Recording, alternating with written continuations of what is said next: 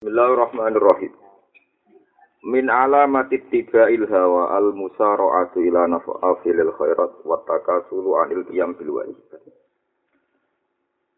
Min alamati tiba'il hawa iku setengah sangking alamate anut hawa nafsu.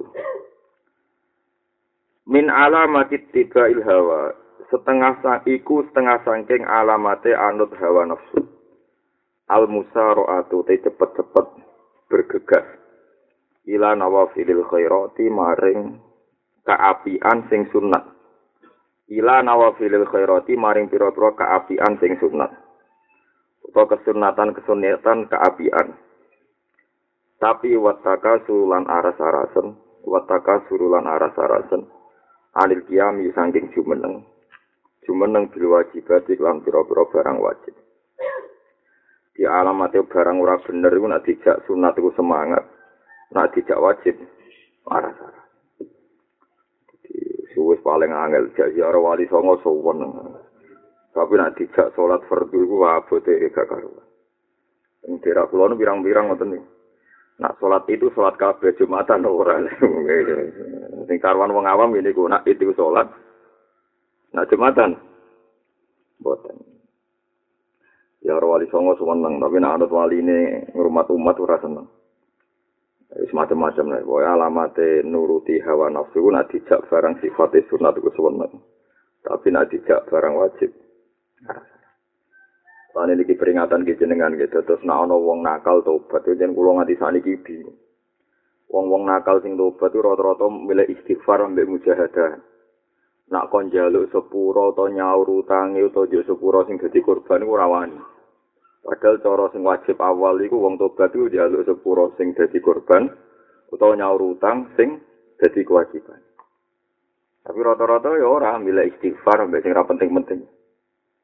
Iku repot. Nak mbok loro iku terus mbok mutung ra tobat ya repot. Mbok barno ya kliru piye ninggalo bareng napa? Wajib. Mane angel-angel wong dadi ulama nek ngoten niku jen bingung fatwa-fatwa. Kita iku ngerti watake wong niku Misalnya ngeten ya wonten tiyang nate nyolong, nyolong wedhus lah misalnya kados teng desa-desa. Kepengen tobat terus sampe ning masjid tukang sapu. Nate tanglet kula. Gus kula pokoke tobat. Tapi nak kan njaluk sepuro to kon ngaku tepak bocah. Selain isin nyaur wedhus ya abot tenan. Tapi nak kan nyapu masjid ini cek enteng lah. itu kan repot kita sendiri dihitung-hitungan nak nganti dene nyak dene kondo terus ditangkap polisi ku ya repot tenan kok orang bosen tobat. Tapi nak ra kondo coba dituntut ning akhirat. Dhewe sing wajib pertama balik no radul mazalim iki balik no apa sing nate didoli. Ya tak kandani ajane ono akal-akalan ya rada ngakali malaikat tapi bener gitu wong iku rugine pira sahur garo Yo abot Jadi tapi sementing kita sebagai wong alim, sebagai ulama, sampean sebagai kiai tetap fatwa. Pokoknya sing wajib sih. Pokoknya, pokoknya sing nopo wajib sih. Tapi gak terlalu fanatik biar fatwa iki perkara ini. Kulo ngerti guru-guru kulo, bapak kulo, kabeh ya ada tinggal ini. Misalnya nyon sewu kulo diutang 10 juta. 10 juta mestinya wajib tak sahur. Kemudian ono tamu, Ono tamu itu misalnya aku biayain satu juta.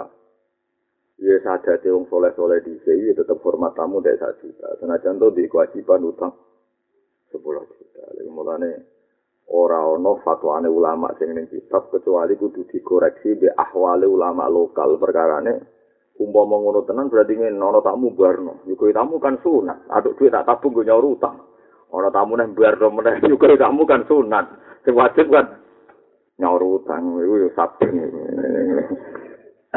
iku repot ya pengeran dari mulane dadi kiai iku repot ono tek mulane ono ekstremis mau buka percaya tek ora percaya perilaku Mana kan nabi dia bolak balik gak ada utang. Nah ono tamu gitu dihormat. Padahal nabi gak ada utang. Nanti kak pundut itu di rumah ono tenan nabi nganti kak pundut niku diutang dengan tiang Yahudi. Tiang Yahudi tenan nih. Utang mbek ambek wong Yahudi ra dipercaya padahal Nabi kudu nafakoi saat itu istrinya bidani jenis semacam beberapa kilo beras ada orang mriki ketika wong Yahudi jaluk jaminan dari kaji Nabi anak amin sama Aku iku langitnya percaya aku, masuk kira percaya. Jadi aku cara Islam aku Yahudi. Akhirnya dikai gadian baju perang, baju rompi perang. Yahudi ini. Walhasil Nabi nganti kabundut itu ninggal roh. Dia ninggal nopo roh. Niku dari kiai-kiai alim Jawa nak nafsiri ngeten. Nabi ku ya anut sunah manusia. Ning dingkon ngutang mantu iku isin. Padahal Nabi di mantu suka rupanya sih tidak usah. Tapi sunah wong utang mantu itu. Kiai Jawa nak nafsiri gampang. Perkara ini dari Utsman terkenal juga. Ngono kok mertuane nganti utang. Yang Yahudi. Wong ora iso mungkiri sunai menu utang mantu itu isin nah saya kira orang uang sekali isin utang mantu ya gelem itu gelem itu terjadi isin orang kena dikias no di sini isin orang kena nopo dikias dia semua no pangeran kerja sono mati di utang niku jure pot padahal kelar nyawa Eh, tapi yang ini itu pangeran. Orang-orang mati tinggal di utang. Kemudian orang juga-juga. Malah catatannya wajah aja. Cuma kadang darah ini. Mulane ketika Imam Nawawi tenggene sarah Muslim niku rumono tenan. Nabi niku nate badhe nyolati jenazah. Mbon tidak kok ngarepe Nabi. Mbon badhe takbir Nabi tangkok. A alaihi ini. Apa dene diutang? Kalu na'am dinaron. Yo duwe utang dua dinar. Dua dinar ya mun kata nih kalau nanti ngitung sak dinar 4,2 gram. Ya 4,2 gram. Berarti nak kali dinar 8,4. Eh 8,4? 8 ya. E, nah saat dinare tolong atau sewu berarti sak gram tolong atau sewu berarti patang dinar sekitar pintu nih. Sak juta kali atas ya. Sak juta kali atas berarti meh patang juta pintu. Patang atas ya. Pintu kali juta lagi kali juta. Walhasil Nabi itu sempat ngendikan Wah itu sebenarnya dituntut dengan akhirat. Aku mau nyolati. Balik kanan nanti juga dituntut. Tapi sesono kota ada ngendikan. Kulo sing ya Rasulullah. Ya, kulo sing nyaur Nabi baleni nek sholat. Bareng baleni sholat, imami Nabi. Batu imami, buat ini nunjuk nak betapa pentingnya barang wajib nyaur utang nih. Padahal sahabat dia menolak sering mayoran. Karena tamu ya disugoi. Bareng dino diundang kok ada. Dino. Dah kok ada. Wis mbok sahur utang. Dereng ya suara penting kula sing nyaur eh sahabat yo wis sak enake dhewe Pokoke Nah, walhasil nabi terus rodok ketun deh nyolati. Sahur aki ku sing roh, nak wong iku cek diazab. Akhirnya kok ada. Santai nih saya sahur kok apa nyaur. Kode aku jadi. Santai nih di sahur. Bareng di sahur. Nabi ngendikan alhamdulillah baru dahadal mayit. Alhamdulillah saya kulit mayit gue sadem, keutangnya di kita. Nah dari ekstrim-ekstrim ini kemudian Kiai Jawa mau ngakali tok. Sing tukang ziarah yang ngakali tok. Kalau berkali-kali ngelepas jenazah buat nanti istighfar tenten. Atau mereka usum gak. Nak menawi wonten hak adami jenengan bebas no gue gue. Semuni gue gak sing ngutangi. Amalane kula niku beberapa kali nglepas jenazah ora usah istiqlal ditakoni iki Gus kok boten istiqlal. Mesti kon bebas nah. Eh sing muni nggih ora sing ngutangi senono gunane Om. Dia nak menawi wonten hak tami menawi amprat dia nuntut waris menanda enteng diridakno. Wih, buat dari Padahal mereka yang tidak tidak ngutangi. Nah, makanya tapi apa Kiai Jawa? Kiai Jawa mau nyiasati dan, dan itu diambil alih ahli nabawi waris. Tapi Nabi Nabi ini wong akeh, Nabi jambak pas kabundut diutang. Dan itu juga tidak selalu Nabi melakukan itu. Makanya kata Imam Nawawi, Nabi sempat ngendikan sallu ala sahibikum. Aku itu rasa nyolati, tapi kue nyolati. Mulane jadi ijma'i ulama ahli sunnah, nah ono wong kendat mati. Sing zaman Nabi ning hadis sahih Nabi ra kersa nyolati. Tapi Nabi sempat ngendikan sallu ala sahibikum. Tak dulur iki sholat. Mulane jadi ketika Imam Nawawi, nak onong mati kendat atau mati ngumpi oplosan, kemana cara saja mati ngumpi nopo oplosan. Iku kiai indu e ojo nyolati na itu. Dan jadi terapi wong iku menjauhi mati kendat mati oplosan. Tapi wajib ngongkon wong liya atau santri kok nyolati. Guiling-ilingan piye wae wa injana wa insaroko nak min ahli syahadah kudu di sholat. Lane riyen baju bere Mbah Mun masyhur nek wong nakal mati. Baju bere mentolo. Itu sing nyolati nek aku ora pantes. Tapi baju bere ning kono moka. ya perkara ini tengah-tengah nak nganti ke iduke nyolati kok. Alah jute kiai kok nyolati. Tapi nak orang nyolati kabeh jadi syariat sing elek wong Islam mati kok ora disolati. Bagian kula nanti 7 kilo dari daerah saya itu ada ustad Mbah gua perhitungan itu mati ini ora karu-karuan. Wae walhasil ana wong rada saleh saleh tenan nak tapi mati kok kendat ya ora ros sebab. Wong sak desa ora wani nyolati. Baru wong alim-alim punya nyolati mau siji loro perkara ne. Wong kedhat kok wong alim-alim malah nyolati.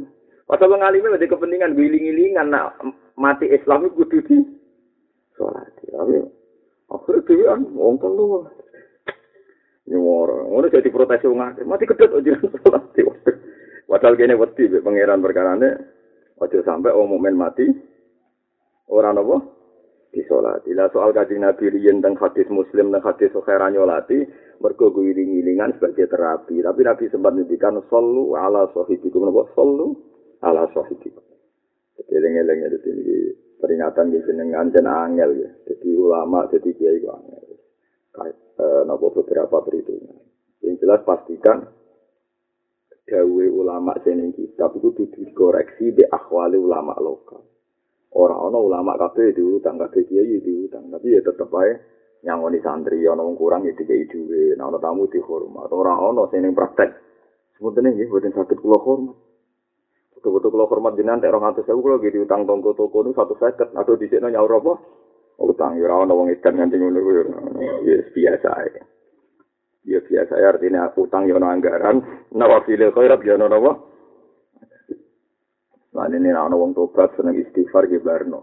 Nah wong tobat seneng nyapu masjid ya barno. Ojo kok paksa lakoni barang wajib. Aku yakin ngepek.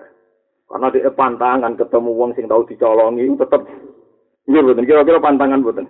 Pantangan. Mulane Ketika Imam Syafi'i nak ana tek ning gone kitab iku wong pahami nganggo ijma'i ulama sing ijek urip. Dhewe sing urip ku sing duwe tanggung jawab carane nglakoni syariat. Kok bali male sing urip ku sing roh tanggung jawab carane nglakoni syariat. Nah, wong wis kabuntut itu semua ngendikan nak ana wajib bertentangan mbek sunat kudu mal wajib. Ya ngendikan ngono tok. Dan misalnya kayak duwe utang 500 sewu. Wayai nyaur dino iku. Terus sing rono iku gurumu. Utawa wong tuamu utawa dulurmu kandung sing buta sangu utawa pantese disangoni. Kalung satu sewu ya rasa terus rambut sangoni blas. Wah nyangoni wong tua iku sunat. Nurutan wajib repot si rawono nguliku ya rawono tengah-tengah patang atau sewu saurno sing satu sewu gak no sono santri-santri sing raiso mulai. Ora takoki pangeran. Tapi ya ora dhisikno wajib? Lah pangeran ora takok ngono luwih ngerti. Wah pangeran ora bakal takok ngono Paham gitu, terus ini min alamat tiba ilhawa al musaro ila nawafil khairat wa takasul anil qiyam bil wajibat. Qaya dato adi a'yanil awqaf kaila yamna'aka anha wujubut tasbih. Qaya gawe aturan sapa Allah, gawe tali sapa Allah, gawe aturan, gawe kaya itu gawe aturan. Kaya gawe aturan sapa Allah taala atau ati ing taat. Oleh gawe aturan di a'yanil awqati kelawan waktu-waktu tertentu. Misalnya sholat duhur ya wayai ngoniku, sholat asar ya wayai ngoniku, haji kudu mulai wulan-wulan tertentu. Kela yang naas supaya orang ngalang-alangi ka ing sira anha sanging taat. Kela yang naas supaya orang ngalang-alangi ka ing sira anha sanging taat. Apa wujud tasfifi wujude ngendi-ngendi. Taswif sangka kata saufa munamuning kok engko jenenge apa? Taswif. Kaya dan gawe aturan sapa wa taala atau ati ing pira-pira taat di ayanil awqati kelawan wektu-wektu sing ditentokno. Kaya layam na supaya ora nyegah kain sira anha saking taat apa wujud taswifi anane ngendi-ngendi, anane menunda-nunda. Wa wasa'alan nglonggar sapa Allah taala alika ing atase sira al waqta ing wektu. Wa wasa'alan nglonggar sapa Allah taala alika ing atase sira al waqta ing wektu. Ketak supaya tetep laka kedhe sira.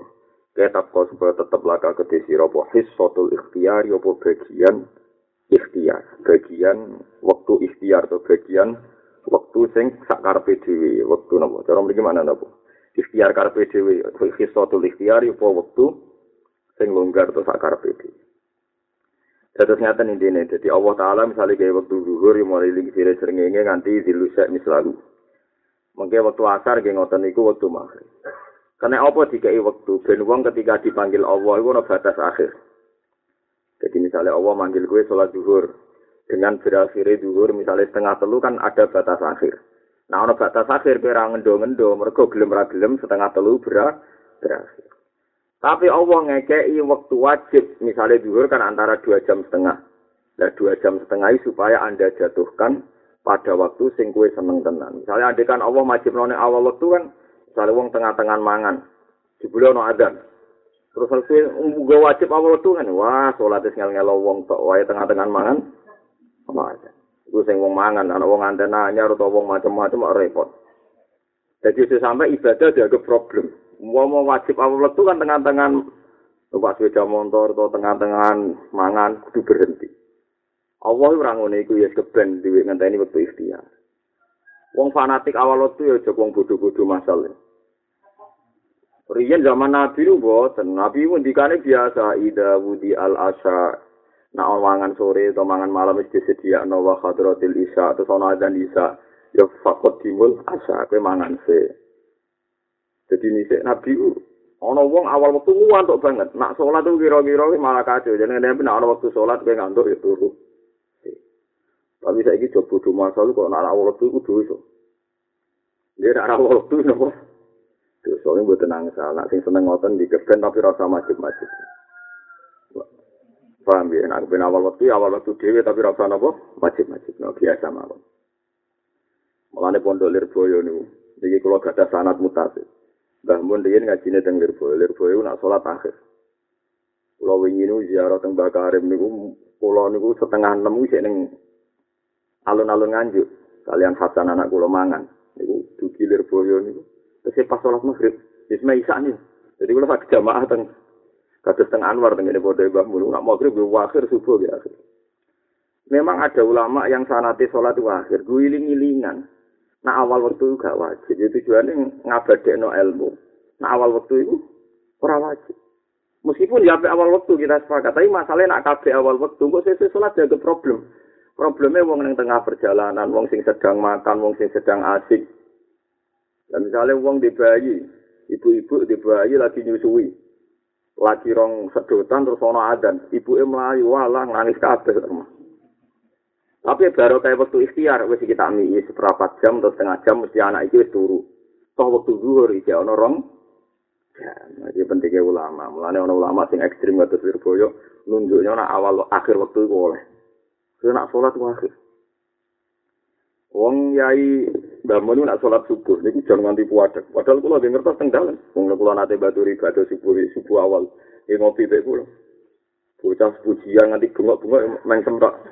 Orang sing nutuke kentong tong tong subuh ya Ya melek maksudnya ya ya ini jago sampai itu.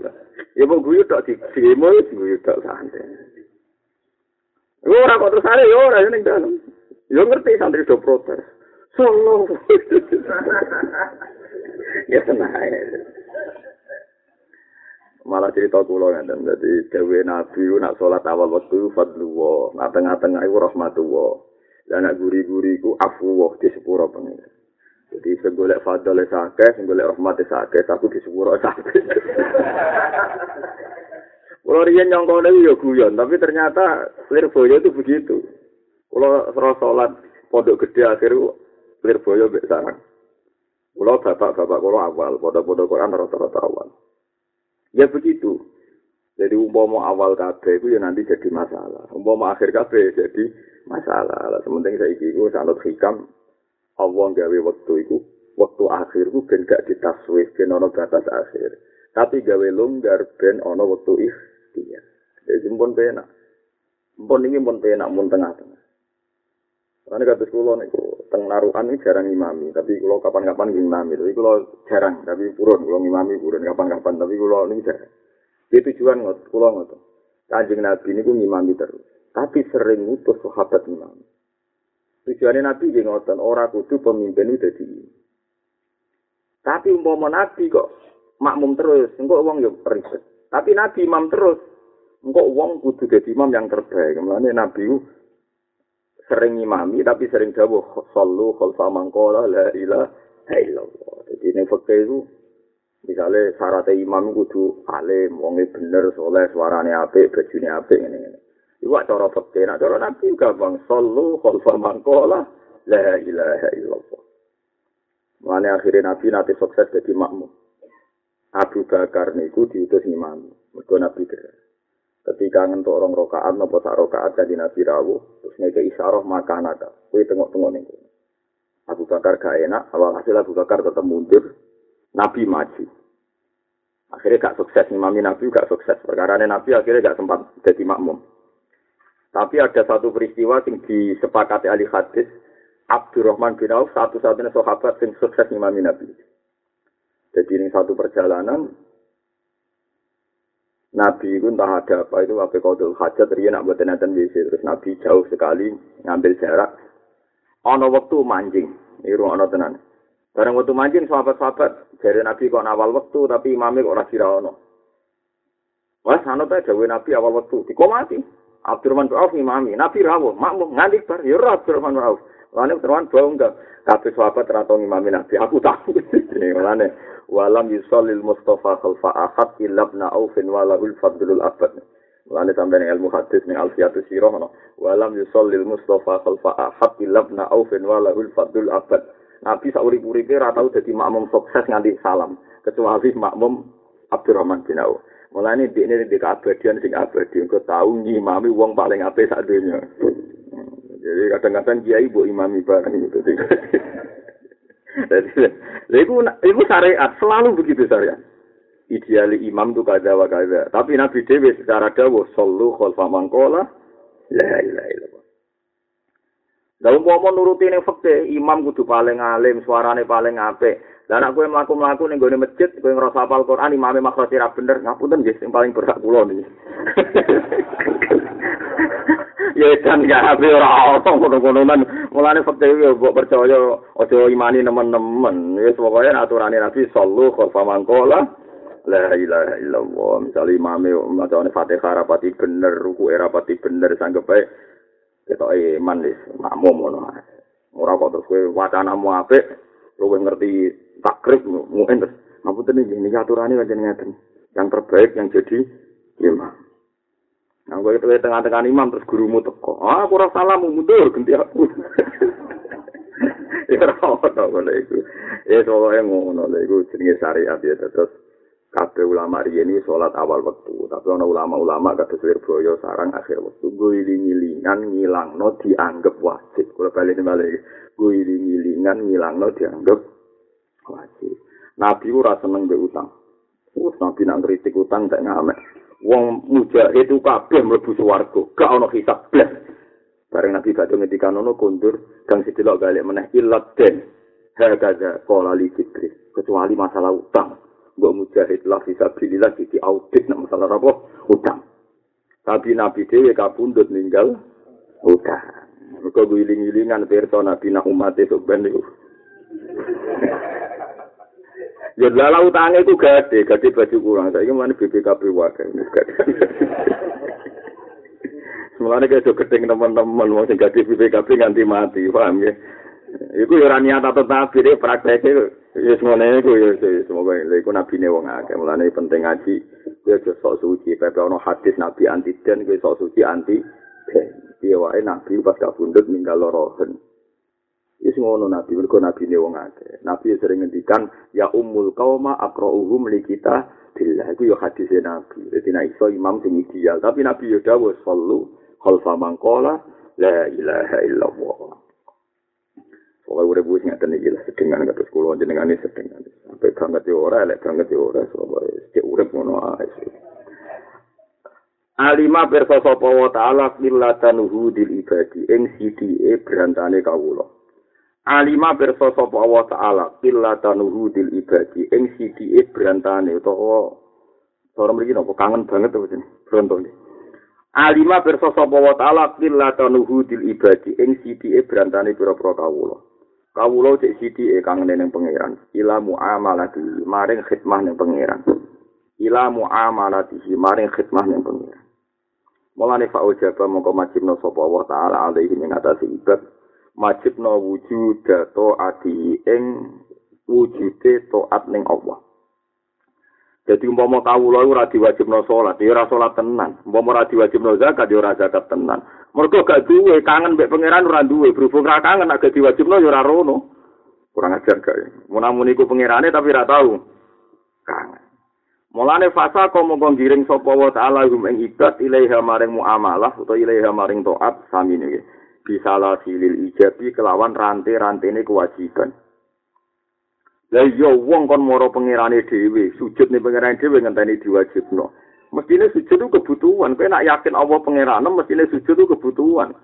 Kowe nak yakin Allah pangeran, mestine taat itu kebutuhan. Tapi gelem taat nak diancam lebu neraka. Lah wong kok aneh ngono. Mulane terus ajib gawa sapa rebuka pangeran sira. Min kaum min sangking kaum Isaku nakang den kiring sapa kaum milal jannati maring swarga tapi gelem bisa lasili nak ngenteni diran dirante. Walek banget. Walek banget to kita. Wong iku nak kepen mlebu swarga kudu salat sik wajib. Nak gak diwajib gak salat. Lah iya wong ape mlebu swarga kok ngenteni dikiring ambek rantai. Lah ya yo aneh. Ya, nangge misalnya sampean seneng cawe doe ora usah di SMS, ora usah diwarai ngekeki dhuwit.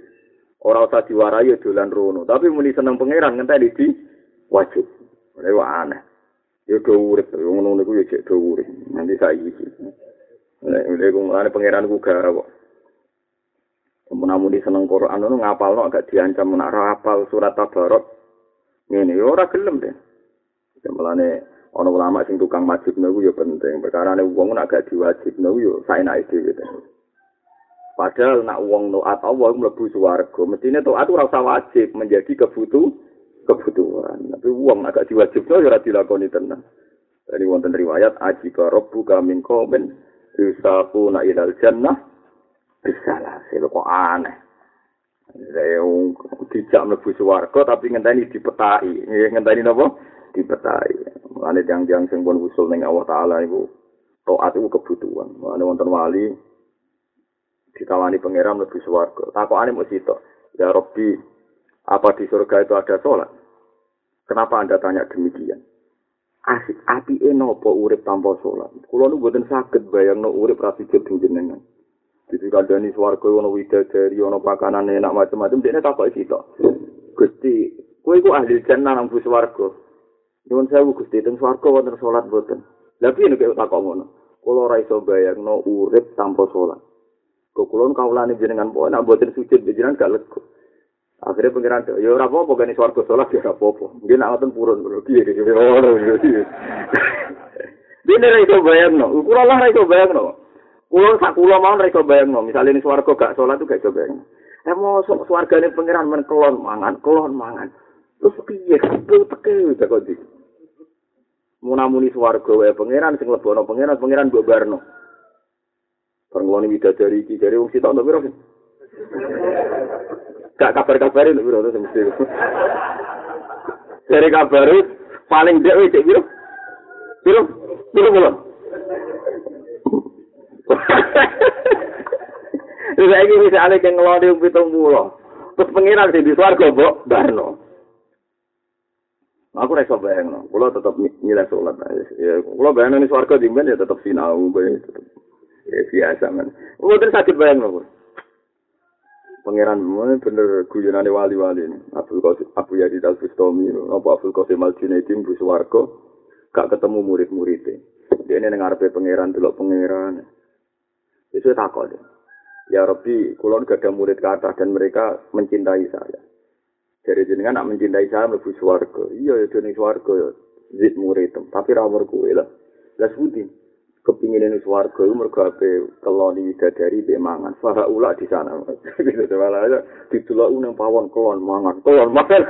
Tapi ora sowan pangeran sing duwe apa? Innalillahi wa inna ilaihi raji'un. Sekian nak milih swarga itu ya monggo, paham ya. Tapi betapa gak di akhlaknya. wong swargane pangeran barang mlebu gludeng terus keluar Iku ya elek tenan tapi wong alil jannah barane elek wong alil jannah. Mulane mulane milih sampean kok swarga sing di sing pawon-pawon las kelon mangan kelon mangan wis ora karu-karuan. Paham ya dadi tiang-tiang sae iku ora iso mbayangno urip tanpa sujud ning gone pangeran. Iku gak iso mbayang. Ya, kalau kalian malah wong apik-apik ora iso mbayangno urip tanpa sujud ning Allah Subhanahu wa ta'ala. Swarga Allah ya ta'awahum fiha subhanaka wa wa tahiyyatuhum fiha salam wa akhiru da'wahum alhamdulillahi rabbil alamin. Engko ketika mlebu swarga ya waqalu alhamdulillahi alladzi awrasana al-ardha natabawwa minha haitsu nasha. Fa ni'ma ajrul amilin. Sebagian ayat nerangno alhamdulillahi alladzi azhaba 'anna al-hazan. Inna rabbana la ghafurun syakur. Jadi wong-wong swarga ya ora iso ora kangen pangeran. Mane bener wingi kula ngaji sing ahad sore iku. Masih wong neraka nak wong apik iki wiridan ya Hanan, ya Manan, ya Hanan. ya man. Karena eling pangeran kebutuhane kawula. Lah elek-eleke wong sing ora iso eling pangeran. Mulane azab paling dhuwur ku lali pangeran. Lan ngendikane Abdul Qasim Al-Junaidi, Al-ghafla asyaddu minan nar. Lali pangeran luwe azab timbang mlebu neraka. Al-ghafla asyaddu minan nar. Jadi lali pangeran luwe berat timbang mlebu neraka. Mergo khisape neraka, khisape ahli neraka paling berat ketika dikhitabi Allah fal yauma nansakum kama nasitum liko ayomikum hada. Jadi saiki aku lali kuwe. Mergo kowe lali aku dhewe pengira. Sebagian ayat nasuwaha fanasiyahum. Sebagian apa nasuwaha fanasiyahum. Lane azab paling gede iku lali Allah sampai Allah ora gelem nyebut. Lalu kuwi wedi tenan kuwi maca ayat iku paling wedi nek nganti Allah ning aras gak nyebut jeneng kuwi kaya apa. Kaya wong sing duwe langit bumi lali aku. Mesti lali mau nyebut. Iku gede-gedene aja pun nak mlebu ayat nasuwa ha fanasi. Mulane kula suwon gunane ngaji ngeten iki. Mbok sampeyan ngaji ini niat hiburan, mbok sumpah. Pokoke baru kaya ngaji disebut namane napa Allah Subhanahu wa taala. Mana kula iso bayang, no. kula ni swarga ora iso bayang. Kula nak rencana kula kula nu rapat jarang salat ya, mau fardhu tok. Kula bayangno ya besinau nih. Wae pekinau wae. Sinau ngono dadi kok golek santri-santri do ning diraro. Nah piye jeneng kula ada delik. Allah karim, kok iso kok beri. Jare kangen pangeran pas wayahe para iso ketemu ditinggal. Allah, nek muga-muga ora duka ditokno meneh paham kene nganti Allah duka. Eh, mesti wargane wong gak pamit kok. Mesti wargaku sik gak pamit kok opo. Metu Apa nek Gusti? Lego aji karo buka min kaumin bisa aku na ilal jannah. Bisalah sih, mulai kalau suwon saniki nak jinan sholat duhur, ojo sampai krono wajib. Sholat asar ya ojo krono wajib. Panjen kangen pangeran. Iya panjen kangen. Ini disebut fama yuridillahu ayah dihu yasroh sotrohu il Islam. Alamat wong apik setiap perintah Allah di ini itu lapang dada. Orang anggap perintah Allah itu problem. Mereka anggap problem padha karo yusaku na ilal jannah bisa lah sih. Ditilate, jadi ditilate. Kalau kalau terusakan. Aujaba alika wujud khidmati wa ma aujaba alika illa dukhula Aujaba majibna sapa Allah taala alika ing atas sira. Allah majibna wujud khidmati ing wa anane khidmahne Allah.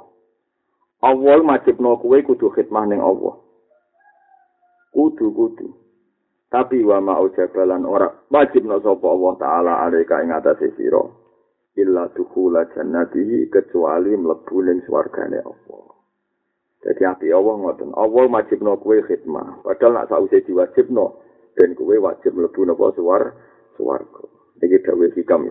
Au jabal majibno sapa wa taala alika ing atase sira wujud khidmati ing anane khidmane apa tapi wa ma ujaban ora majibno sapa wa ali kae ngatasi sira illa dukhula jannati kecuali engko dadekno kowe mlebu napa swargane apa dadi Allah majibno kowe salat majibno kowe zakat majibno kowe nglakoni akeh ujung-ujunge ben kowe engko wajib utawa mesti mlebu napa swarga wis yakin nae Ya, tapi wau nak iso aja krana wajib, krana kebutuhan. Ya nak iso aja krana wajib, tapi krana kangene kita iseke kita ning Allah Subhanahu wa taala.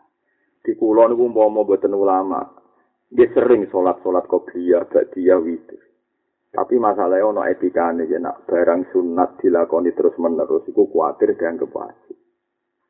Mulane si Abdul Qadir sing terkenal Sultanul Aulia kaya ngono fatwane hunyah. Ya tak beri nanti kalau duduk nang misbah. Iku nak ono wong duha tiap dina mbek Abdul bin Mas'ud diparani nomor disuwentahi. Kowe nambahi sunai Nabi. Duha iku sak ulang pisan ae. Nih iku sing cerita si Abdul Qadir apa? Al-Jilani, wong khusyuke ngono. Tapi dia ulama. Itu orang duha rutin itu diparani Mbak Abdul bin Mas'ud. Ini riwayat kita punya. Duha itu coba dino. Saya sak bulan atau seminggu. Nah, Abn Abbas, ya seminggu. Rawlah betina. Mau kuatir sunai pangeran sing sunai itu dilakoni terus, mau jadi prop. Oke, mulane saiki barokah alhamdulillah wong Indonesia sing duha pirang-pirang barokah. Umpama wong sak pasar duha kabeh, suatu saat ana wong loro gak duha dianggap fasik. Tapi barokah gak duha kabeh. Ya biasa kan? Jadi barokah di sing duha ora ya Tapi nek ada ulama pancen ngono, nek tapi duha duha dhewe wae. Ya saiki sekono Bodoh masal itu usum, sunat-sunat itu jamaah bersama. Waduh, nggak ada wong. Buat tentang itu, kiai kok tentang tahajud. Bersama. Nah, buat tentang padahal tahajud itu kismun sing layu sandu jamaatan. Kan sholat itu loro, sing disunat no jamaah, ada sing ora. Tahajud kategori ini gak disunat no jamaah. Repot. Eh, tapi mesti alasannya ngono, buatan tidak jamaah, buatan tahajud. Lagi ini biasa jadi ulama, lu rata tahajud kan yura apa-apa, pancen gak wajib. Cara dene apa jadi terus rezeki jembar lah, malah repot. Kulo nu bingung ngadepi ajaran-ajaran itu bingung. Nentang yo rawani, perkara ini kulo yo seneng ana wong sujud ning pangeran. Dukung yo rawani. Ya kok wani sebuti gitu, cara hukumnya Allah Ta'ala ini sing wonten hadis soleh, sohen. Ngeloni bojo ku ibadah, wa fi buti ahadikum sodako. Lah kok misalnya ruhin tengah-tengah kelon tahajud sedang mau dimulai. Wah, wah yo repot.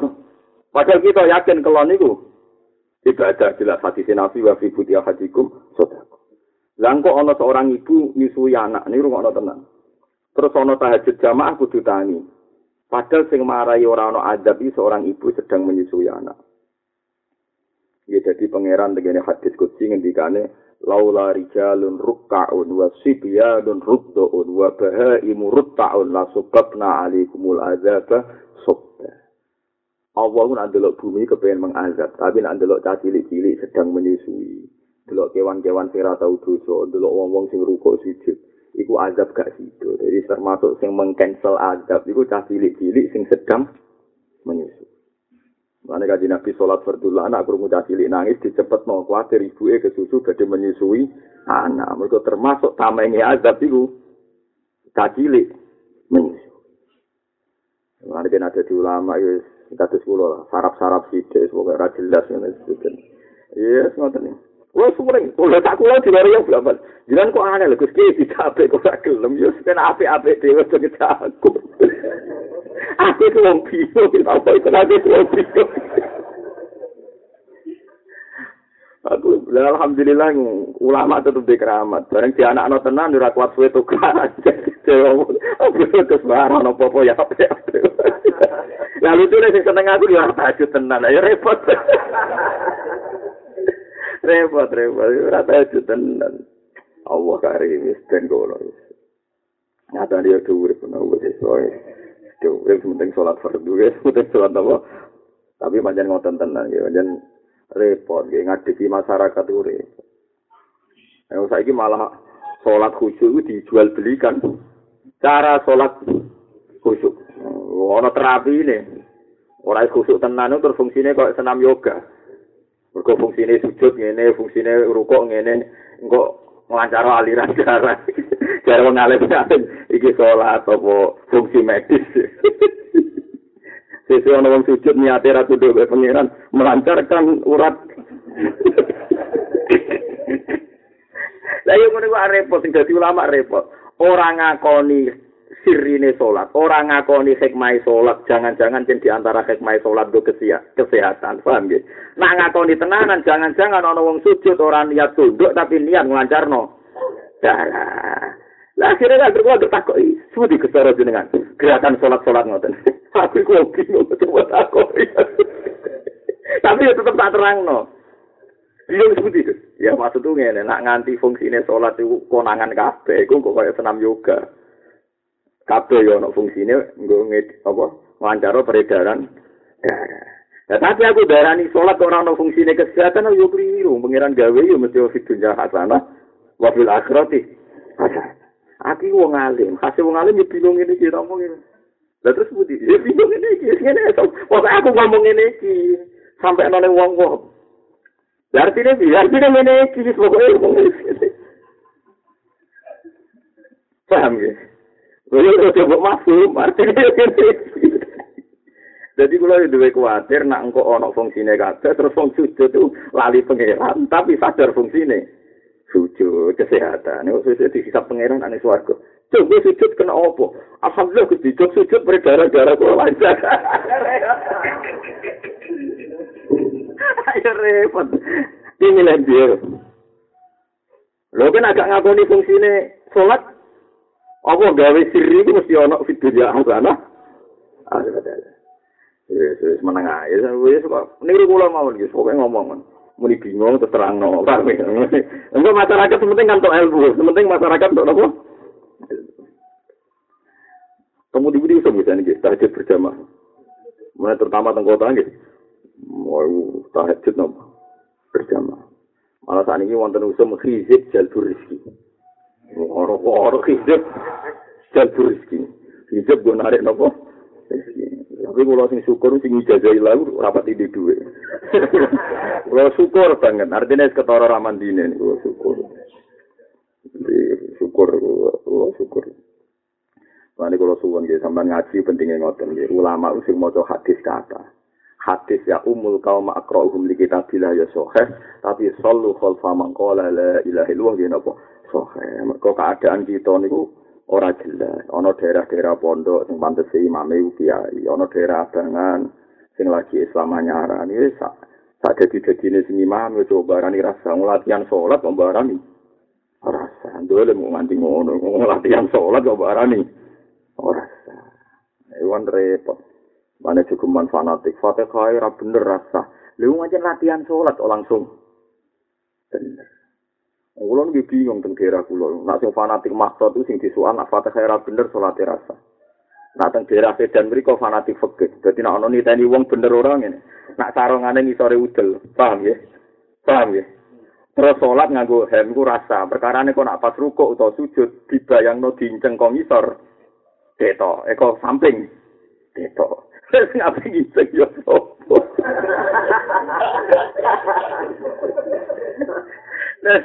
Teng daerah mriku niku anggere ana wong alim kok nganggo kaos dalam kula ngeten iki.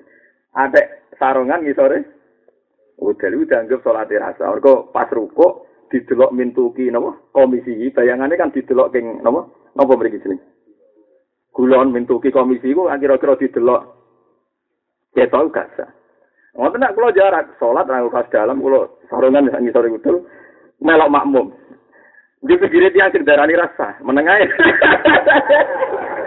Dari ngomong sih tahu lagi sana, sudah kesulitan di bar.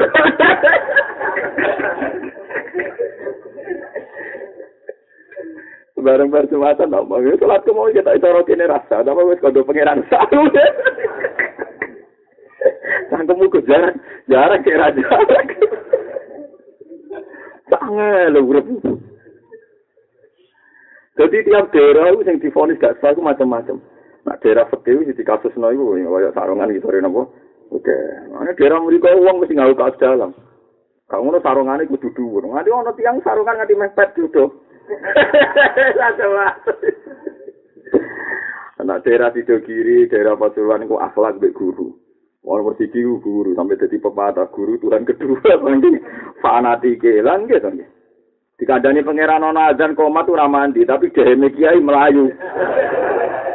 Lah iya panggilannya pangeran mbek kiai kok mandi. Santri pacaran biasa anak ra konangan kiai ini, begini wedi, padahal nak mbek pangeran. Ora wedi. Mulane sampe dadi guyon. Eh kiai jadi timur sirik. Ngopo wibawane nganti kok pangeran. Ya perkara mau masyarakat itu sampai pangeran rapati wedi to bebek kiai. Wedi ra karuan. Tapi ya ono sing nak ke Jawa Timur alim ono nak ngene. Mergo kiai ku wong ku, wong ku mesti rapati apik. Tapi ya nak pangeran kan apian, nah kiai kan apike pas-pasan. Mulane nak kecewa ngamuk, pangeran ora ada maksudnya. ya ono sing nak ngene ya kok pinter ya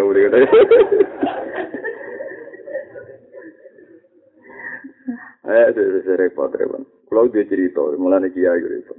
Ini kisah nyata.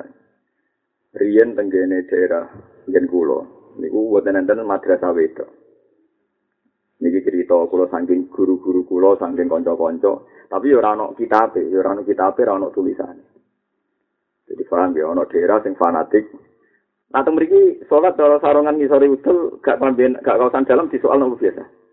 Mboten. Nak teng jenengan di soal ya. Ada di situ. Kalau lah setuju nyoal, tapi ya saudara rasa, ya nak iso kon kon dhuwure udel. Mereka nak nak darani buatan sah total ya buatan sakit bagi mazhab Imam bin Hambal niku aurat nopo asawatan. Anggap baik inti kalau nopo. Lah soal wong awam kan gak di mazhab. Gue harus, gue tak jajal tenang.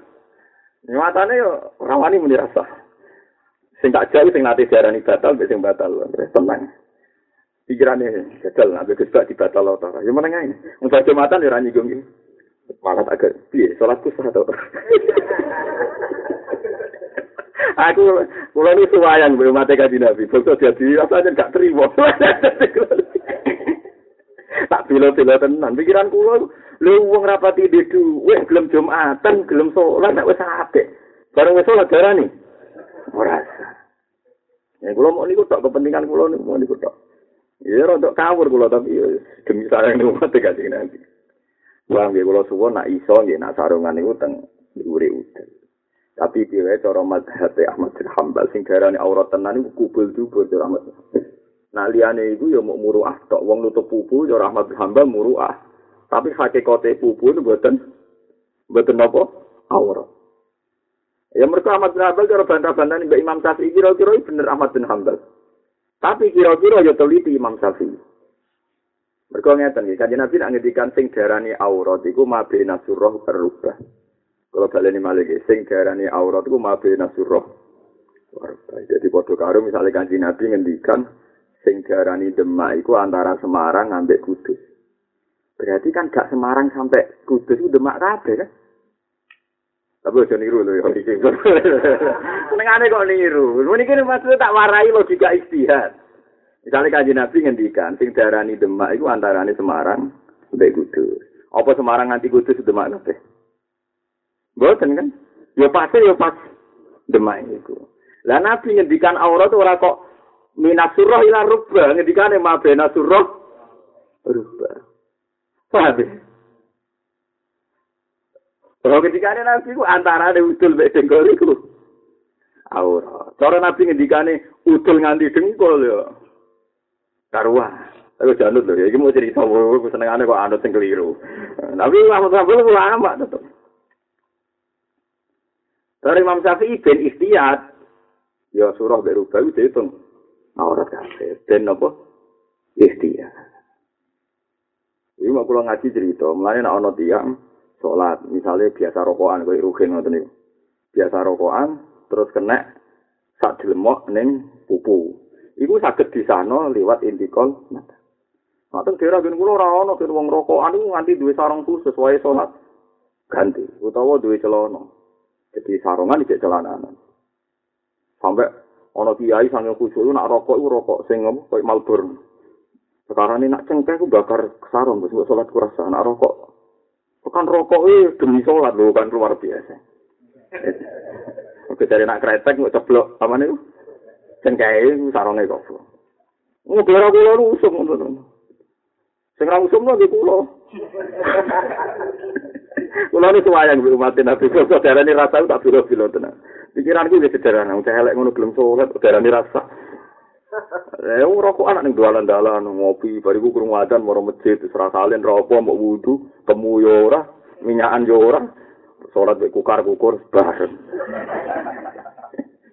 yo iku yo masuk e pangeran, ya. Nah, ngono kok arani rasa kesel ra darani rasa. Wong awam kira-kira nek diomongi rasa tenan. Nah, rasa ora timbang salat yo rasa. repot. Mulane jogeman muni istilahul ulama tapi muni tausiatul ulama. Mulane ane mizan kubro pas ngarang pas ngarang apa mizan kubro dewe la taqulu istilahul ulama walakin qulu tausiatul ulama. Ke jogeman muni istilahul ulama tapi muni yo jembare ulama. Sekarane nak ulama kabeh kados kula di dunya ora ana aturan, yo bahaya. Iku ya lampu merah. Tapi nak muni apa sithik rasa. Iku malah wis gempa, iku malah dunyane sebar. Lan ulama loro iku ana terus. Mulai riyen ya ana ulama resmi, ya ana ulama dalan. Wis sunah pengen. Zaman alim-alim Imam Syafi'i iku pangeran gawe wong alim jenis Saiban Ar-Rawi. Ya sinten Saiban Ar-Rawi iku masyhur. Imam Syafi'i darani zakat kudu sani som, kudu haus. Murid Imam Syafi'i tidak dolan ning Saiban Arroy. Tako. Mata kulu fi zakat. Sampai murid Imam Syafi'i itu protes, mislu katas alu hadal badi. Jenengan seali medina atau kok bedui. Wongnya senengannya ngon wedus ngalor gitu. Akhirnya Saiban Arroy tako. Alamat hatikum aw alamat hati. Coro kue apa cora? Coro jenengan. Nah, cora aku. Dulunya aku rasa nisab lah wajib zakat. Nah cara mazhab mak ngenteni sak nisab. Nggih. Kenapa cara dengan ora sak nisab kok wajib zakat? Lah iya. Apa nak dunya sithik terus ora ana subhat e. Sing diarani zakat itu perkarane rawan subhat. Apa nak sithik ku gak subhat? Jenenge dunya sithik lah. Ya ana subhat. Ya sami mawon to. Apa nak duwe ruhen pepe ora duwe terus gak ana subhat e. Apa mana duwe kernet-kernet super bodoni ya bolak-balik. Ayo cepet-cepet cepet tapi jalan tapi jalan jalan jalan jalan. Lah, yang melarat wis pinter bodoh, bodoh. Apa mana nak ubalan teng Magelang zaman kula tesih sering ngebus. Kuwabe bus ini oh terakhir terakhir. Padahal yo terakhir. Nah, gertawah, kalau dia nanyaran, ya langsung numpak. Waduh, kita terakhir, orang tuh yuk, sebulnya apa terakhir. Jam lima ya beri terakhir. Mau setengah enam. Beri terakhir. Mau enam. Lah itu rezeki deh ya sebulan tok uang melarat. Lah iya dari saya benar roi Woi kok iso wajib no zakat ngerteni sak iso ku alasan apa? Apa dunyane wong sing dunan iso ora ono napa coba ya padha wae. Mane terus muridnya lagi ngakori, sebelum wong yo ngalih. Terus dari Imam Syafi'i bareng gondor ngandani murid. Wong ning dunya sing ilmu e padha be aku ya wong iku. Jadi mulane wong mesti ana wong alim sing jabat ning NU ning MUI sing di pondok gede. Ana wong alim dalan kados kula ora kanggo-kanggo. Tapi kan nak ilmu kula tetep pede. Oke ketua MUI kalau nak debat pede mawon urusan ilmu, tapi nak duit derajat kalah kula. Tapi urusan ilmu cewek. Lha mulai dhisik pangeran duwe sunah ngoten niku mesti ana. Abu Yazid Al Bustami riyen wali populer. Ya nate disaingi wali sing penggaweane ning dalan-dalan. Senate kula critakno jenengan. Gusti kula nak ning swarga kancane sinten dule dijawab mek wong iku. Wong ning dalan kancane nang fase-fase. Ya ora kita aku kula diceritani guru-guru ku.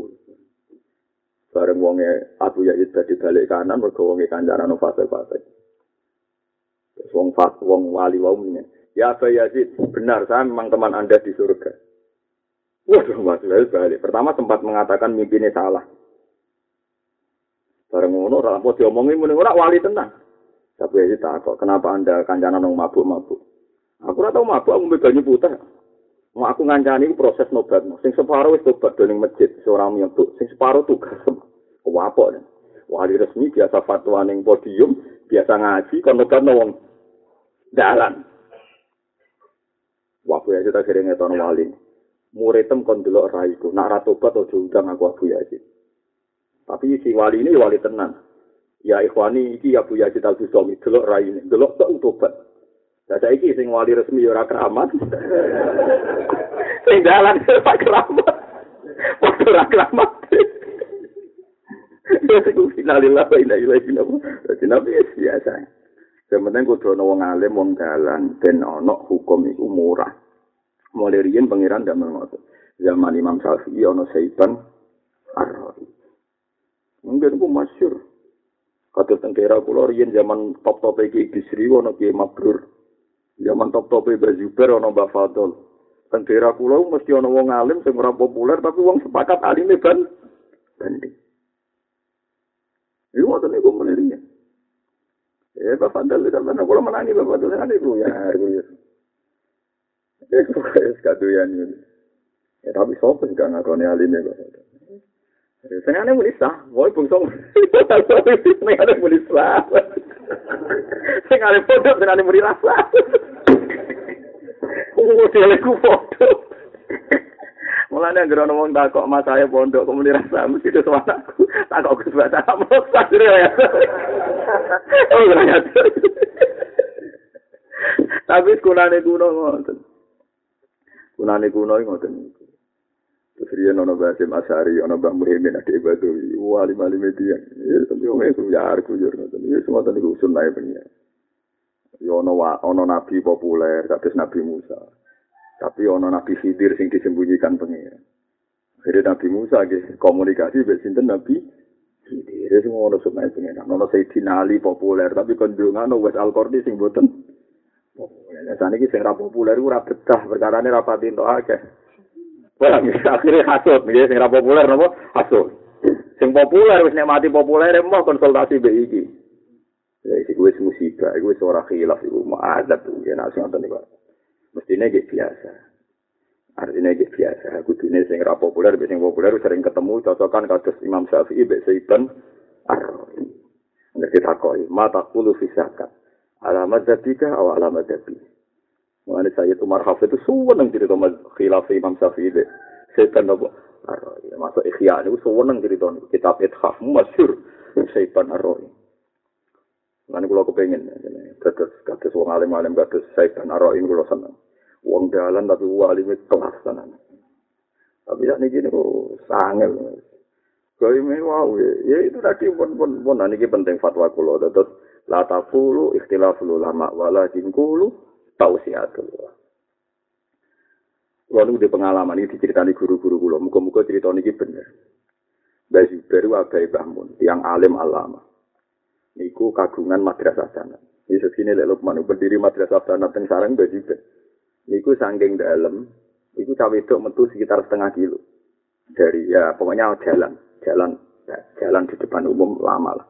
Bahkan ngeliwati pondok kangkang, itu radius 12 kilo dari sarang banyak kayak yang protes karena daerah situ eh tenan ono wong wedok kok maksudnya antar wong soleh lagi antar wong nopo soleh lagi orang wedok sekolah Kiai daerah mriku percaya nak wong wedok roh tulisan mari pacaran. Wae percaya taklim mutalim wong wedok ora oleh diwari tulisan mergo engko yang jangan. Cara ki kuno ada pacaran nopo yang jangan.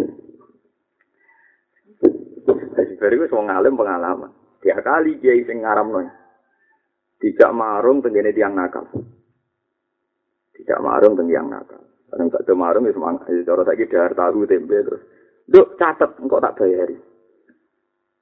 Ya bek kiai sing sing ngaramno. Mbah, kula boten saged nyatet ya. Aja omongno sing nak omongno lali nduk aku catet ae. Ben gak lali. Jadi aku mau mangan iki mantap pecah. Kula boten saged nulis, Mbah. Hasil akhirnya bar marung. sing kiai sing aran lha iku reso nulis dadi lonte. Wah, semane dibuat ngide.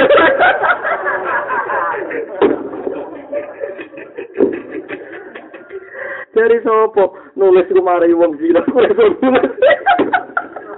Semenjak iku ning dereku ora ono madrasah wis. Gara-gara Oh, masalah nakal ra nakal hidayah kok nulis mbok elok-elok. Oh terus wong ora oleh sekolah madrasah. Jadi kiai itu ya lucu-lucu. Jadi sapa kiai tadi dia itu wong padha ikhlas sing ngaramno iku rukun mek sing halalno. Mergo padha napa ikhlas. Lho kok akab iki iki top Indonesia. Nganti saiki akab. Karena padha ikhlas. Iku sering dikritik ya biasa. Kulo nggih sering kritik. Wah, mohon cuma anak kalau kaku hati kadang tak tantang. Ayo sebenarnya orang-orang masar selamat. Oh, puluh kok nantang.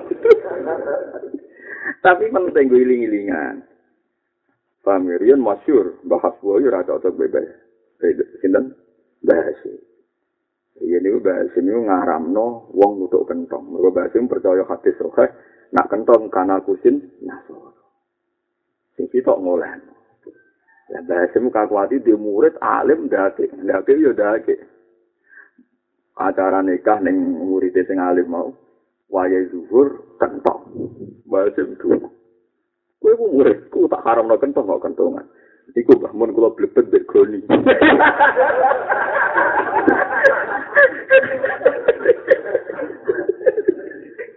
Dadi kula mboten nutuk kentong tapi nutuk. Lain guyu.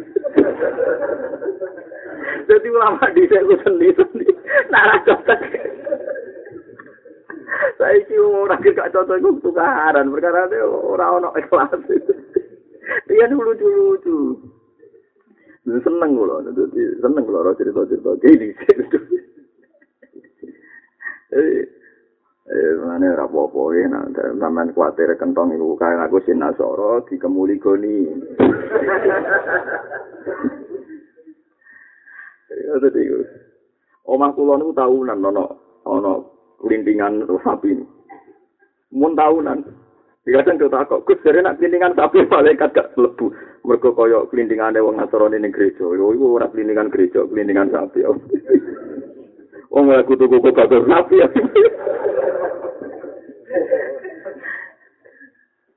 Lah sak niki mun kula coplok, tapi mun nate dong mak kula pitung tahun wis saya leren wiling-wilingan nak wong iku ngumi zaman dhisik beda beda iki. Mergo dhisik kelindingan ciri khas wong Nasrani, iki ciri khas sapi.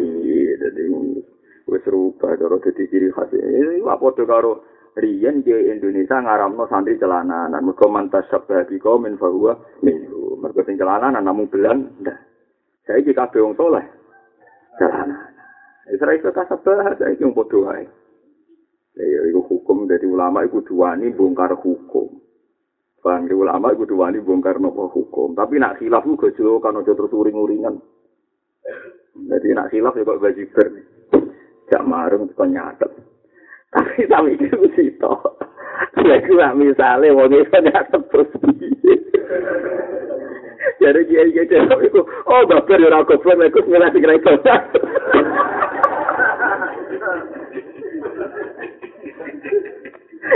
Tapi ya ini dia lucu. Pemene bapak kula niku ya nganti kabudut, karo kula bapak nganti kabudut iku ya. Dari alasannya, aku iku isin ya pengiran nak susah, kok negara di kari itu digawe pengiran. Wah, anak kiai merenggut men susah wae.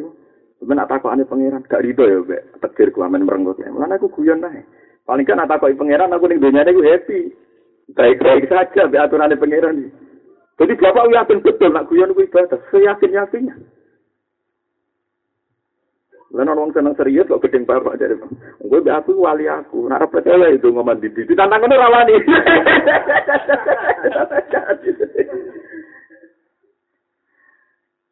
Jadi wong nak wong alim iku guyon wae di ilmu ni. Amdan, artinya amdan itu kuatir nak dia ini gak rido be. Ridane diekspresekno dari ya guyon. Ora kok guyon uraan. Ma'adzah wah nak wong alim guyon apa? Ora. Yo mau giling-gilingan yang dunia ini pengiran happy. Jadi contoh gampang misalnya kue dikai sugatan kiai lomo, kue mangan mbek happy kan sing nyugati seneng. Tapi nak mangan mbek merengut menengai koyo sing nyugati kurang ngopo kok do merengut. Ada di guyon yo ana ilmu ora plangpon guyon yo ana ilmu. Tapi nak kue merengut milih merengut ana ilmu nggih monggo. Tapi kita itu karena utang ya, aku yakin. Kita ora krono ilmu, krono utang masing-masing. Manis tagroba ayang kuzahuwa, atau ayung kizahuwa.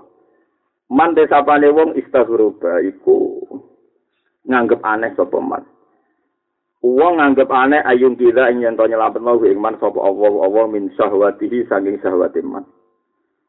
Wong nganggep aneh selamat sangka syahwate wa ayyukri jahulan nganggep aneh yen to ngetokno sapa Allah taala ing man. Min wujudi ghaflati sangking wujude laline wong fakotis tajaza mongko berarti nganggep atas sapa man al kudro ta ing kekuasaan al ilahiyah ta kang bangsa kepangeranan wa kana wa ala kulli syai'in qadir muqtadir wa kana lan ana sapa wa wa ala kulli syai'in ing atase saben-saben perkara iku muqtadir ing sing kuwasa Jadi syahwat itu kaya apa mengikat kita, kaya apa kita parek mbek syahwat. Tapi kena kue nyongko ora bakal selamat sangka syahwat, berarti nganggep pangeran ku lemah. Tapi kalau warai iki carane iki kalau warai iki musalsal nganti Sayyidina Umar bin Khattab. Misalnya kue rawong ayu kan syahwat, rorodo ayu syahwat. Nek cara Sayyidina Umar barno wis syahwat. Sing penting aja zina. Mergo justru kue duwe syahwat iku nak kasil ora zina dadi ibadah mergo ninggal barang mung Mergo Allah ora nulis ganjaran ninggal zina, kowe ra zina mbek kebo mbek sapi, mergo ora duwe sah. Nanti ditulis ganjaran mergo duwe syahwat. Jadi Jawa Sidina Umar ketika ditanya, apa engkau pernah terlintas ingin zina sama perempuan-perempuan itu? Ya iya. Apa anda ingin meninggalkan syahwatmu? Enggak deh. Aku kepengen syahwat ibu ijek tapi ramak siat. Bukankah anda ingin berdoa supaya syahwat itu hilang? Enggak, aku ora ditulis ganjaran. Dan syahwatku ijek tapi aku gak zina. Mergo aku iku ora bakal ditulis ganjaran ninggal zina sebab ora zina mbek sapi, mbek wedhus perkarane ora ono syahwat. Jadi syahwat itu bisa dikelola. Nggih, bisa dikelola guling-gilingan aku iku menu. So. Tapi ya kudu ra tenan, wah syaratnya kudu ra tenan. Lu duwe iki ngoten. Yen ora duwe kudu pripate ijo, ya apa nggih duwe apa. Nah, saya dua hijau, dari naruh dua beripati hijau dari kiai saya jauh orang bahasa ini abang bang. Mereka lagi dua satu sewu itu abang. Iku ya oleh sahabat, gue iling-ilingan, nak gue iku menurut. Tapi bawa kekeh. Jadi paham ya, jadi gawe hikam, uang sing nganggep orang mungkin selamat songkos syahwat, berarti nganggep pangeran iku lemah. Lah carane piye Gus gampang, ngeten nak cara ihya. Cara kula oleh tentang ihya luwih rasional, ngeten cara berpikir ihya. Urip itu kue nganggep orang mungkin selamat kan cara berpikir anda itu durasinya khayal. Misalnya kalau saat ini umur patang pulau papat misalnya. Kalau saat ini itu tahu umur patang pulau papat misalnya. Kalau nganggep umurku nganti swidak. Sehingga bayang no, gak mungkin aku lepas sangka syahwat dalam durasi waktu sekian panjang. Mereka jadi 10 tahun uripku. Tetapi sing nak kue yakin selamat sangka syahwat sok suci ku oleh nak demi pangeran. Iso wae detik itu juga kayak mati. Paham ya? Jadi uang sing nganggep orang mungkin selamat sangka syahwate mergo khayal uripe panjang. Paham ya maksudnya? Lho nggih to, misale Ruhin ini bar ngaji terus mati, berarti kan selamat kok maksiat. Lah setiap saat kita kan mungkin mati. Berarti nak mati berarti selamat sangka syahwat, sangka maksiat. Kalau saja misalnya ono wong jam itu dongo, ya Allah Gusti, selamatkan saya dari syahwat. Lalu nak bayang 10 tahun ke depan kan abot. Paham ya? Atau 20 tahun ke depan kan abot. Tapi nanti ini bayang mau selamatkan saya dari syahwat. Jam bolu, bayangannya mati jam songo. Jam songo selamat, bayangannya mati jam 10. Kan butuh selamat per step, per sak jam, sak jam. Kan enteng kan? Paham sih kalau maksud? Nah, mulanya Hikam juga pernah berkomentar itu, pernah menghentikan. Kue nak tahu maksiat, yakinlah itu maksiat yang terakhir. Dan ke husnudon be Allah. Nah caranya piye? Iso kue sesuk mati, gue sebagai maksiat. Terakhir. Mulane nang nglakoni taat, iso wae ku taat terakhir. Lah kita juga wong soleh iki bayangno maksiat ku jangka panjang. Mosok wong ora iso wong iso lepas sangka syahwat. Waduh 10 tahun ora wong ayu ora dhuwit mosok ora syahwat. Lha wong soleh amatir jenenge paham ya. Wong soleh kok bayangno urip.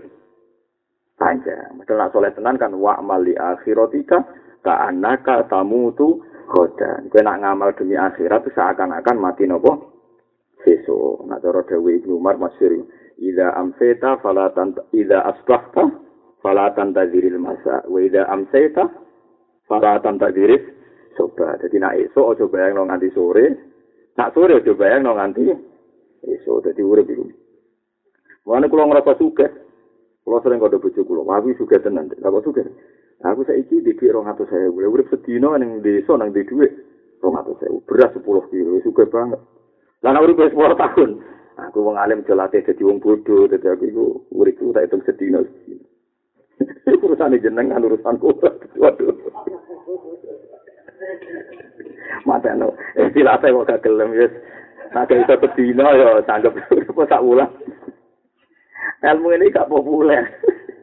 Tapi kudu dilatih, paham ya? Dilatih. Tapi buktinya gue di dua nana di dua padu nih di dua repot.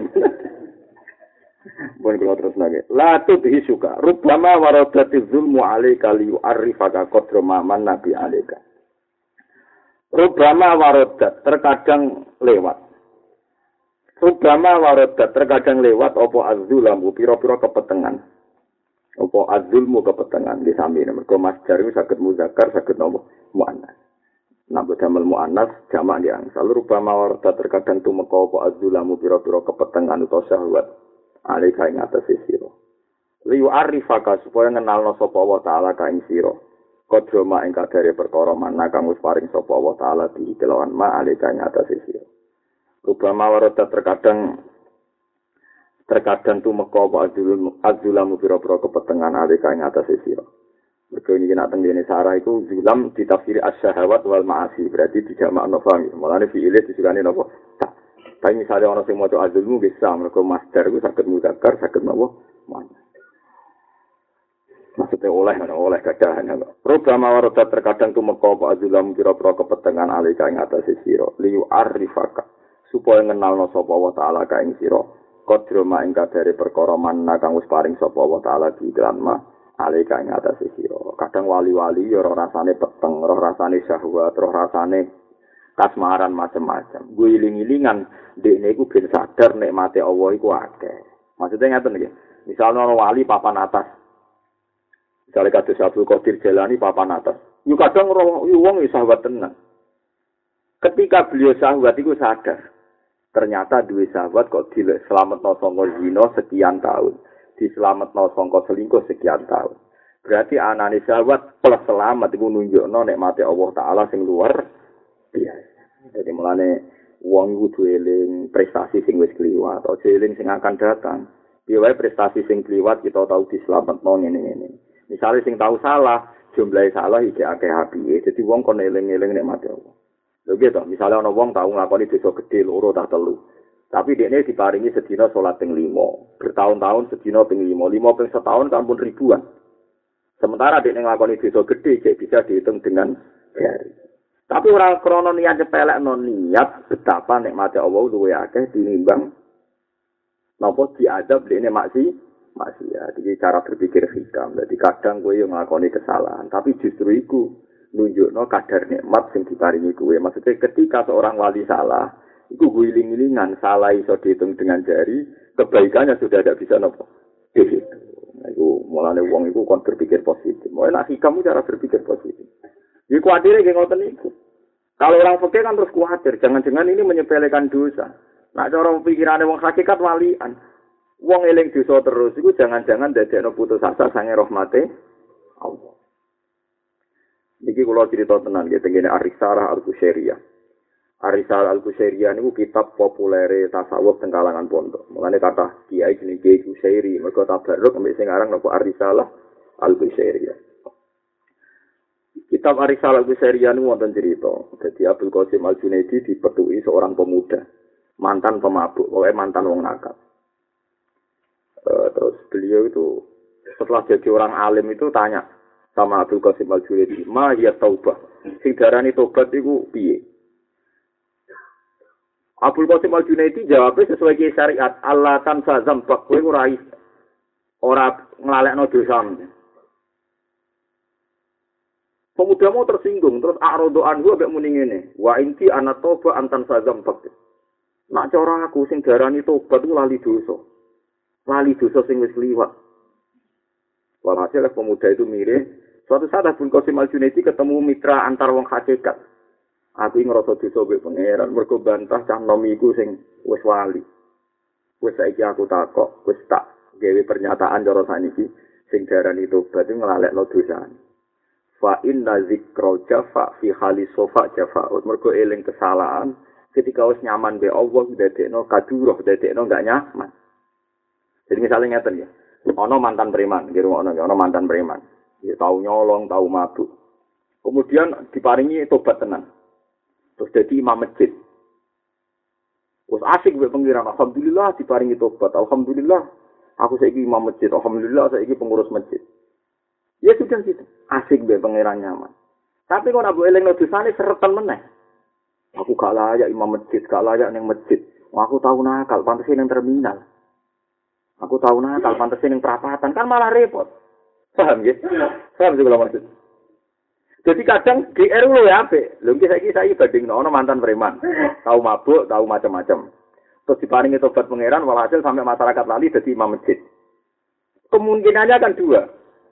Nah, dia ini ngeleng-ngeleng ini sesuai kan aku jadi imam ra pantas. Aku ning masjid gak pantas. Pantasku ning terminal meneh, pantasku ning perapatan meneh kan malah repot. Paham sih kalau maksud Jadi ulama itu macam-macam. Tapi ya mau Abdul Qasim Al sebagai ulama syariat dia rasa awak iso wae walian. Nak terlalu lali dosa terus ujub. Kaya ora tahu dosa. Nah, saiki iku mau la takulu istilahul ulama walakin kulu tausiatul ulama. Nyatane eling dosa terus yo rawan kembali ke belakang terus ngerasa ora pantes imam, ora pantes ning masjid. Sesuai moro terminal meneh. Tapi nak terlalu over lali dosa ning kok ujub kaya gak duwe masa lalu sing suram? Ora duwe masa lalu sing suram.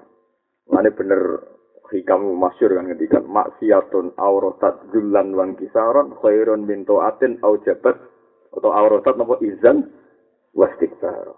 Wong maksiat tapi ngeling-eling maksiate dadekno tawadhu be wong liya luwe apik timbang lakoni taat tapi dadekno kemlungkung ambek wong Nah, ini penting, pentingnya ngaji. Jadi, wong nak terlalu eling maksiat, jangan-jangan terus ngerasa rapantes urutan masjid ora pantes dadi kiai. Kok yo repot balik ke belakang. Tapi nak terlalu lali jadi ana napa ujo. Mun kula daleni rupa mawarata terkadang tumeka apa azulamu pira-pira kepetengan alika ing atase sira? Sebut ini liyu arifaka supaya mirsakno sapa wa taala ka ing sira.